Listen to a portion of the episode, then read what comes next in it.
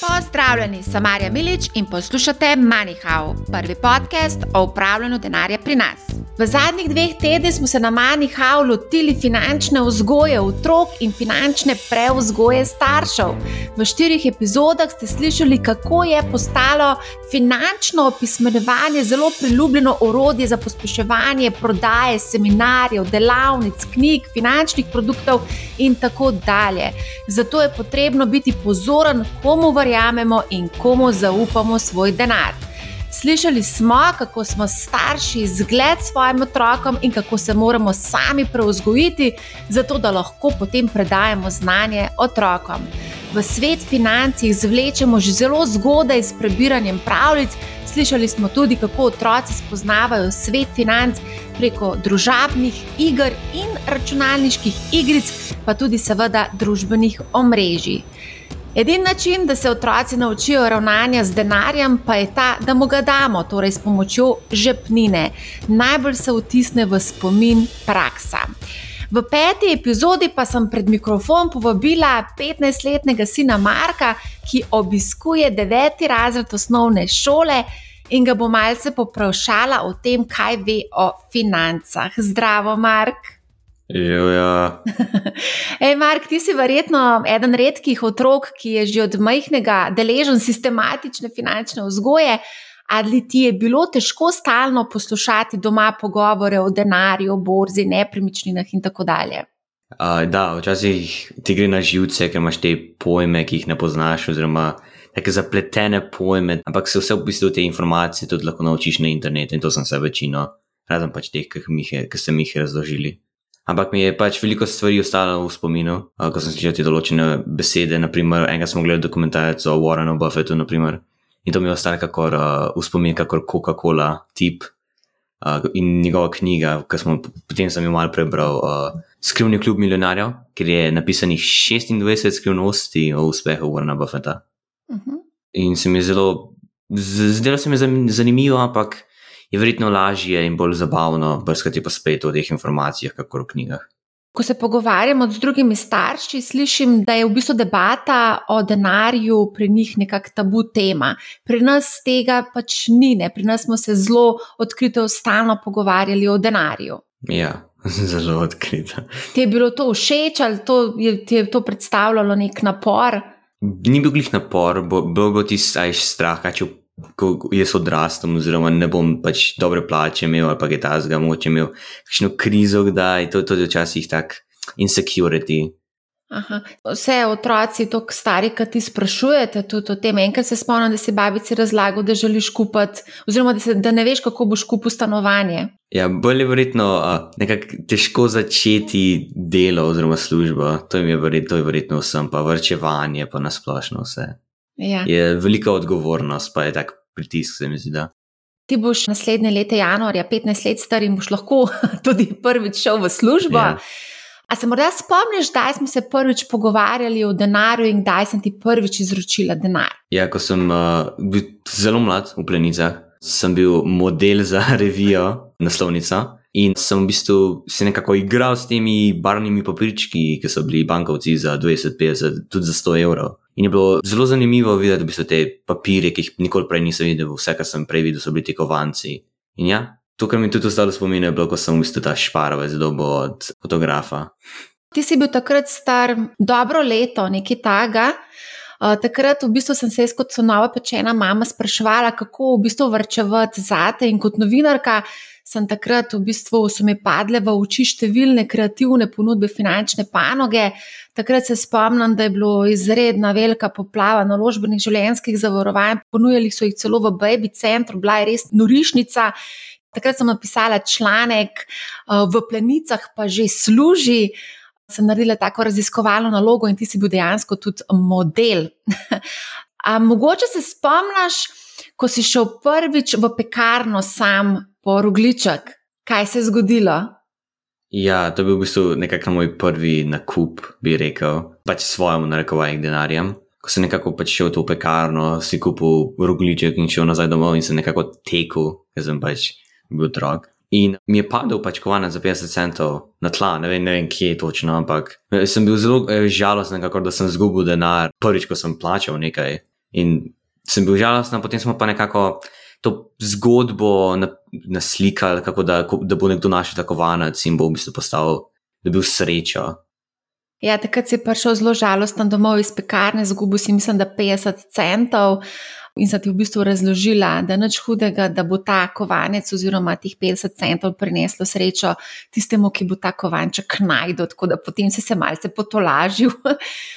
ok, gremo naprej. V šoli naj bi se vi učili pri gospodinstvu tudi nekaj o osebnih financah in državljanski vzgoji. V petem razredu, pa v osmem razredu, oziroma devetem razredu. Kaj se spomniš o tej snovi, ki ste jo imeli? Ja, v bistvu v petem razredu je bilo bolj gospodinstvo normalno, ampak v osmem smo imeli te malo finance, smo govorili o teh borzah, delnicah, o pač kaj je javna lastnina, pa tako stvari. Večinoma je bilo samo to, vse ostalo pa smo v bistvu ali med sabo, kako učenci govorili, ali pa smo sami vedeli že prej iz filmov ali pa iz interneta na splošno. Aha, kako pa je bilo, ko smo ti odprli prvi bančni račun in ko si dobil v bistvu prvo bančno kartico? Ja, ko smo prvič odprli račun, sem se v bistvu počutil kul, uh, cool, fino, ker nišče ni imel kartice, takrat smo bili vsi tako mladi. In ko smo v bistvu šli položiti denar na banko, mi je uh, oče razlagal o tem obresti.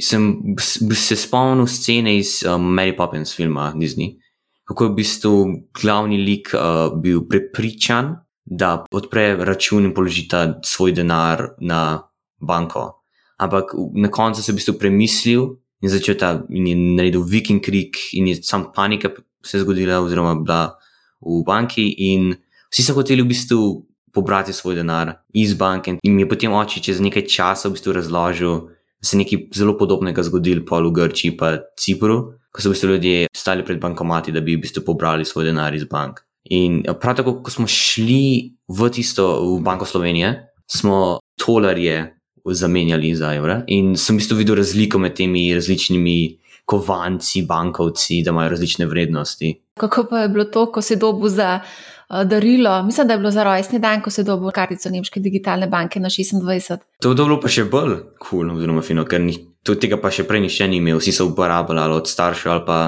PaySafe, pa take stvari. Pač sem lahko kupoval prek spleta, ampak je napisana na, na oči, zato nisem pač tam njegov dovoljen, oziroma torej zaiščem preko aplikacije, da lahko sploh kupujem. In ko ima v bistvu te klice oziroma sestanke, je malo težko ga dobiti, zelo da kaj avtorizira, zato ravno čakati, ker ni gliha idealno, je bolj zoprno. Ja, se je zgodilo, včasih je treba tudi malo počakati. Mogoče samo to, kar si prej omenil, Mary Poppins, pa sceno, ki se je zgodila v filmu Bang Scene, je to zanimivo, ko omenjaš to Podobna situacija se je zgodila v Grčiji in Cipru, in o tem nam je govoril tudi Toni Jukič, ki je bil z ženo ravno takrat na Cipru, kako sta z ženo stala pred bankomatom. To nam je opisal v podkastu, tako da vsem priporočam, da si prisluhnejo tudi o tem. Banka Slovenije, to smo pa res šli eh, zamenjati. Eh, tolare, ki smo jih našli doma, so se krvali nam po stanovanju, tako da sta videla z očem pol to šla zamenjati. Na 26 kartica je pa v bistvu bila neka rešitev, idealna za te. Za nakupovanje preko spleta, da nisi več rabo si sposojati naše kreditne kartice, ampak smo v bistvu ti nekako to debetno mastercard kartico dali za, od 26. Tako da to je taka ena taka super rešitev. Kaj pa ti je ljubše, gotovina ali elektronski denar? Pač elektronski denar je bolj praktičen, to vsi verjetno vemo. Je tudi lažje se uporablja, ko se navadiš kartice. Pa gotovina bo vedno imela nekak prostor, se mi zdi, da uporabi, da je bolj včasih praktično, če se ti da. Ampak ne uporabljam toliko gotovine, ker sploh ne kupujem toliko. Ampak ko v bistvu uporabljam gotovine, pa tako čisti majh, majhni nakupi, do tako 30 evrov. To me pa malo preseneča, ko se je rekel, da bo gotovina vedno imela prostor. jaz pa živim že brez gotovinsko, kot let, deset let, že skoraj, tako da jaz gotovine nimam. In ti vidiš, da bo gotovina še naprej, ko boš ti odrasel, da bo gotovina še vedno plačilno sredstvo, da bomo še vedno rokovali z gotovino. Ja, vedno, vedno manj, ampak zaenkrat se mi zdi, da bo še vedno še nekaj časa. Še nekaj časa zanimiv pogled, vse verjetno še nekaj časa tudi boja. Ti uh, prejemaš žepnino že zelo dolgo časa, kaj pa počneš z žepnino? Kopiči se mi na računu, razen ko pač naredim večje nakupe, ostalo pa samo shranjujem. Kaj pa si recimo kupil, kakšne večje nakupe, o kakšnih nakupih govorimo? Kupil sem računalnik pred kratkim, pa je to večinoma. Pa take manjše in nakupe, naprimer v igrah ali pa take stvari. Del žepnine tvoje gre pa v sklade, ne? Ja. Kaj za kaj dominja? ja, i- iskreno nisem niti vedel, ampak potem ste mi razkrili to skrivnost o žipnini. Ja. Ja. Zanimivo. Žepnina je razdeljena na dva dela. En del ti dobiš eh, na bančni račun, drug del pa roma v sklade. Uh, ja, dolg časa pač nismo razložili, zaradi tega, ker pač je bil to težko razložiti mogoče enemu majhnemu otroku. Tako da zdaj v bistvu to veš, ker si toliko večji ne, in razumeš te stvari. Pa konec koncev ste se tudi o borzi učili, pa konec koncev si tudi sam trgoval na virtualni borzi z delnicami. Dobo si mislim, da je bilo 100 tisoč evrov denarja, ki si ga lahko potem razporedil med različne delnice. Se mogoče spomniš, katere delnice si kupil. To je bila taka igrica v bistvu, ne virtualna borza. Ja, pač bilo dolgo časa nazaj. Sem zbral neke zelo, zelo uh, raz, različne, se mi zdi, da izbral sem Teslo, prav tako sem izbral ta Blizzard, pa Epic Games, te Fortnite, pa take stvari. Sam, to, to je bilo res samo iz tega, kar sem poznal, pa Google, pa Facebook, pa take take. Se pravi, take malo bolj zihar firme, večje podjetja, ki jih v bistvu že tako poznaš, ki spremljaš na družbenih omrežjih. To so veliki giganti, Amazon, Facebook, Google in podobno. Ne? Da mi povej, jaz poznam kar nekaj mladih, ki trgujejo s kriptovalutami. Kakšen je pa tvoj pogled na kriptovalute? Zdi se mi, da je zelo nestabilno. Posebej to dogajanje, ki je bilo z Bitcoinom za ne čase, ko je uh, Elon Musk se v bistvu kar zafrkal ali pa nekako v narekovajih manipuliral vrednost Bitcoina.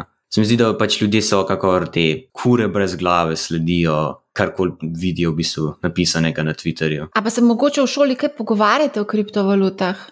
Niti ne, razen če ne jim ful se nekaj zgodil, a pa kakšen tweet od Elona Muska, če je smešen ali pa kaj takega. Nedolgo nazaj mi je Nikolas razložil, kaj so kriptovalute in je omenil tudi Dogecoin. Poznaš Dogecoin? Ja, poznam to škoj. Kaj to pomeni? Smo uh, s prijatelji raziskovali, iz kje je približno prišel in v bistvu kako je padlo. In na Redditu je tak čovek oziroma šala, da ljudje investirajo v Dogecoin in izgubljajo svoj denar. Kako da bi ljudje res, res investirali resno v Dogecoin. Kar ne, ne. Kaj bo še povedal? Uh, virtualni kovanci v igricah. Kaj si misliš o teh virtualnih kovancih v igricah, ki se zbirajo in porabljajo za različne virtualne eh, stvari? Te kovanci so večinoma kozmetični, za te kozm- kozmetične pripomočke. Nekatere lahko tudi uporabljajo za da ti izboljšajo tvoje dogajanje v igrah, ampak to so redki. In večino lahko tudi dobiš s tem, da igraš igro, ampak ljudje lažje samo kupijo stvari v igri in dobijo vse. V prejšnji epizodi sem govorila o tem, kaj vse se lahko naučimo o financah v teh igricah računalniških. Kaj si se pa recimo ti naučil? Različne modele teh iger imaš, naprimer, imaš velike ekonomske simulatorje, ki v bistvu imaš uh, budžet svoje države, imaš uh, stvari, ki jih prideluje tvoja država, in tako dalje. Potem imaš pa take manjše RPG, role-playing igre, kjer v bistvu igralci imajo svoj uh, sam trg in v bistvu uravnavajo cene. Naprimer, ko pride nov item, oziroma nov, nov pripomoček, recimo, ta cena pripomočka bo vedno višja, ker je pač novejši in ljudje ga takoj hočejo. Prav tako pride višja cena z pripomočki, ki so težko pridobljeni, ki jih rabiš se potruditi, da jih dobiš. Prav tako lahko se spremeni cena, če naprimer pripomoček izgubi svojo valjo oziroma nekaj, kar je bil vreden, ali in se potem v bistvu vrednost prilagodi nižjemu sloju igralcev, ki pač ne more se privoščiti teh boljših pripomočkov. Ne vem, kdo mi je to tudi povedal, da v bistvu pravila igre se stalno spreminjajo v igricah. Tako da se v bistvu moraš ti konstantno prilagajati nekim novim pravilom. Ja, se s tem tudi pride nove stvari v igro in to tudi spremeni vrednost prejšnjih stvari. Zanimivo, to si zelo lepo povedal, kako se v bistvu uravnava uh, ponudba in popraševanje na nek način na trgu. Ne? Tako Da, pred kratkim, ko smo se pogovarjali, si mi omenjal inflacijo. Zakaj si mi omenjal inflacijo in ali te skrbi povišana inflacija? Inflacija me ne skrbi toliko, ampak omenil sem jo, ker sem videl v bistvu šalo oziroma mim na Redditu, ker je v bistvu Mačarska imela zelo visoko inflacijo, tako 43 trilijonov procentov, ogromno. In prav tako sem, v bistvu, ko sem začel to malo raziskovati, sem v bistvu že prišel na zelo znano v bistvu, uh, zgodbo o inflaciji, to je Weimarska republika, Nemčija. Po prvi svetovni vojni, ki je imela ogromen odstotek inflacije, ampak razlika med tema dvema inflacijama je bila, da je mačarska inflacija bila zelo kratka, ni bila dolgo, dolgotrajna. Nemška oziroma vermarska inflacija je bila pa zaradi niza takih ekonomskih dogodkov, ki so v bistvu uničili, skoraj, skoraj uničili Nemčijo. In to je v bistvu nekako uspon avstrijskega slikarja po imenu Adolf Hitlerja in potem v bistvu začetek druge svetovne vojne. A to v bistvu je običajna praksa, da če vidiš nekaj na Redditu ali pa na drugih kanalih, da greš pol raziskovati? Velik del uh, sem že prej vedel, ampak potem sem raziskoval, če je povezano, kaj je to dvoje. Kje pa dobivaš še informacije, poleg seveda doma, ki te konstantno bombardiramo, kje recimo še brskaš, če nekaj zanimivega vidiš, kot si videl, recimo to z mačarsko inflacijo? Rediti, seveda, če vidim kaj na Redditu, preverim, če je pravilno, če je res. Prav tako imaš uh, Wikipedijo, se mi zdi, da je najboljši vir, ki imaš izpisano vse, Tudi potem, če, ni, če nisi prepričan, če je Wikipedija res pravilno, lahko pregledaš na kakšnih bolj uh, resnih, oziroma bolj uh, profesionalnih virih oziroma straneh. A pa to te zanima samo tebe, a še koga drugega, recimo v tvojem razredu o inflaciji in podobno, o raznih ekonomskih teh terminih? To je odvisno, kako je predstavljeno. Če to vidiš samo gigantski članek ali pa spisek o tem, ne bo ljudi zanimalo. Če pa vidiš ne to nekako predstavljeno v šali ali pa kakšnem videu, pa jih bo bolj zanimalo, ali pa v celo v igri. Aha, zapravo, v bistvu misliš, da je recept, da bi v bistvu nekako približal finance mlajšim preko raznih mimov. Tudi, ja. Mimi palijo pol. O, zanimivo, evo, vidiš, mogoče pa kakšen mim naredila, če mi bo rad. Ali mi lahko poveš? Pred leti se spomnim, pa to, to sem že večkrat povedala, da sem v bistvu ko si mi razlagal o igricah, si mi omenjal Blizzard in sem rekla, ok, jaz bom pa zdaj delnico Blizzarda kupila. Da mi povej, zakaj si mi predlagal takrat Blizzard, oziroma ali bi mogoče danes predlagal investiranje v Blizzard, recimo, ali pa kakšnega drugega ponudnika igric. To je bilo do, kar dolgo časa nazaj, dve leti. In uh, to sem predlagal zato, ker. Uh, so v bistvu naznanili svojo novo igro, ki je v bistvu bila drugi del ene zelo, včasih zelo popularne igre, Overwatch 2. In uh, se mi je zdelo, da bo uh, nekako oživelo skupino teh igralcev, ampak uh, so odložili to igro za kar dolgo časa, zato ne vem, ne vem, če bodo sploh ven oddali to igro v parih letih, mogoče naslednjo leto, ampak ne vemo točno. Zato ne predlagam, iskreno, ker tudi te igre, ki jih zdaj imajo, so edino World of Warcraft uh, so začenjali malo umirati in tako igralci se sami pritožujejo nad stanjem v igrah. In po njihovem neuspešnem prihodu na Kitajsko, oziroma se razširiti na Kitajskem, ker so začeli v bistvu uravnavati čas igranja. Se je v bistvu Blizzard malo uh, zafrknil, bom tako rekel, v svojih zadnjih odločitvah. Pa bila je neka drama o kako v bistvu ravnajo z ženskimi delovkami, splošno zato ne vemo, kako bo zblezel tam iskreno. No, mene je kar malce preseneča, da to v bistvu ti vse to veš, da so na kitajskem omejili število ur igranja, ok, a na to verjetno čutiš. Kako? Narediti to je ogromno mimo o tem, ja, zato. Pa to, da so na Blizzardu imeli težavo zaradi nasilja nad ženskami, to si tudi naredi tu videl. Okay? Ni bilo nasilje, ampak vem, da so imeli ne, težave, ne vem s čim, ampak so bili tudi mimi joki o tem. Tako je internet nekako uh, kopa, kako res raz s tem, kar se dogaja na svetu. Kje pa vidiš prihodnost, oziroma kje so ti trendi, kam gremo, kaj se ti zdi zanimivo, recimo, če bi danes izbiral za investiranje, katero panogo, regijo? Ja, zdaj, zdaj je bil ta meta izdan od Facebooka. In sem, in sem videl uh, intervju, nisem ga cel gledal, o Mark Zuckerberg, pa je novinar, da se preko VR-a v bistvu pogovarjala. In uh, se mi zdi, da, da so ljudje mislili, da je to nekaj zelo novega, VR-a, v bistvu se pogovarjati, kako zoom v VR-u. Jaz sem lahko s prijateljem se pogovarjam, ampak v resnici je to zelo uh, star koncept, že obstaja dolg časa. So različne VR-chat uh, igre, ki se v bistvu pogovarjajo z ljudmi, kako VR modeli. In vem, VR igre so zaenkrat zelo nerazvite, se mi zdi, da v primerjavi z normalnimi igrami, ampak se bo čez čas v bistvu VR razvil uh, dovolj dobro.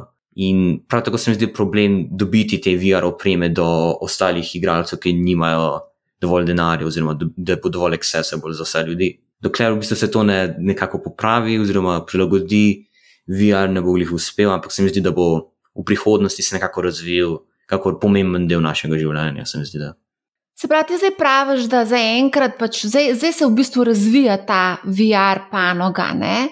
In številni pač tudi vidijo tukaj, da bo v prihodnosti bomo precej operirali preko VR-ja. Kako pa ti vidiš prihodnost še poleg tega VR-ja? A bomo leteli na Mars, se vozili z električnimi vozili, kje bomo, ko boš ti recimo 40 let star, torej čez umrička 25 let. Ja, verjetno ta, ker zdaj je ta space race med Jeff Bezosom, Elon Muskom, pa te stvari. Verjetno bo to nekako Eh, spremenilo, kako v bistvu je affordable odleteti v vesolje in to bo pa space tourism nekako uh, launchalo oziroma uh, sploh naredilo panogo. Ampak v 20 letih uh, mogoče uh, bodo, ampak bodo zelo dragi. Ampak bom počakal, dokler ne bodo uh, vesoljske kolonije, potem pa bom uh, na bolj. Uh, affordable price šel v vesolje. Ej, Mark, ti veliko študiraš zgodovino, zelo veliko veš o zgodovini. Ali se lahko na podlagi zgodovinskih dejstev naučimo nekaj in ne samo naprej v prihodnost, ali je zgodovina dobra učiteljica? Uh, zgodovina večinoma kaže, se mi zdi, da kaj ne smemo narediti. Eno primer je bila ta Velmarska republika, kako je v bistvu nekakšna finančna kriza, do uspona neke radikalnosti v Nemčiji. In to v bistvu rabimo nekako skupaj, kako zemlja oziroma kako človeštvo skupaj si pomagati, da ne bo tajnega dogodka, kako druga svetovna vojna spet prišlo. Ampak je takega, pa reformacija, naprimer protestantska, je bila uh, nekakšna jumping board uh, tehnologije tudi. In s tem, ko so v bistvu proti reformaciji se borili proti temu, so nekako ovirali moč oziroma ta del uh, reformacije, ki bi tehnologijo oziroma nasplošno mišljenje spremenil oziroma povišal. Kar se mi ne zdi, da je bilo dobro. In to rabimo v bistvu, kako smo videli v preteklosti, zdaj v prihodnost, nekako spremeniti, da se ne podiramo drugih idej, da pravimo graditi drug na drugem. O, to smo zelo lepo povedali. Super.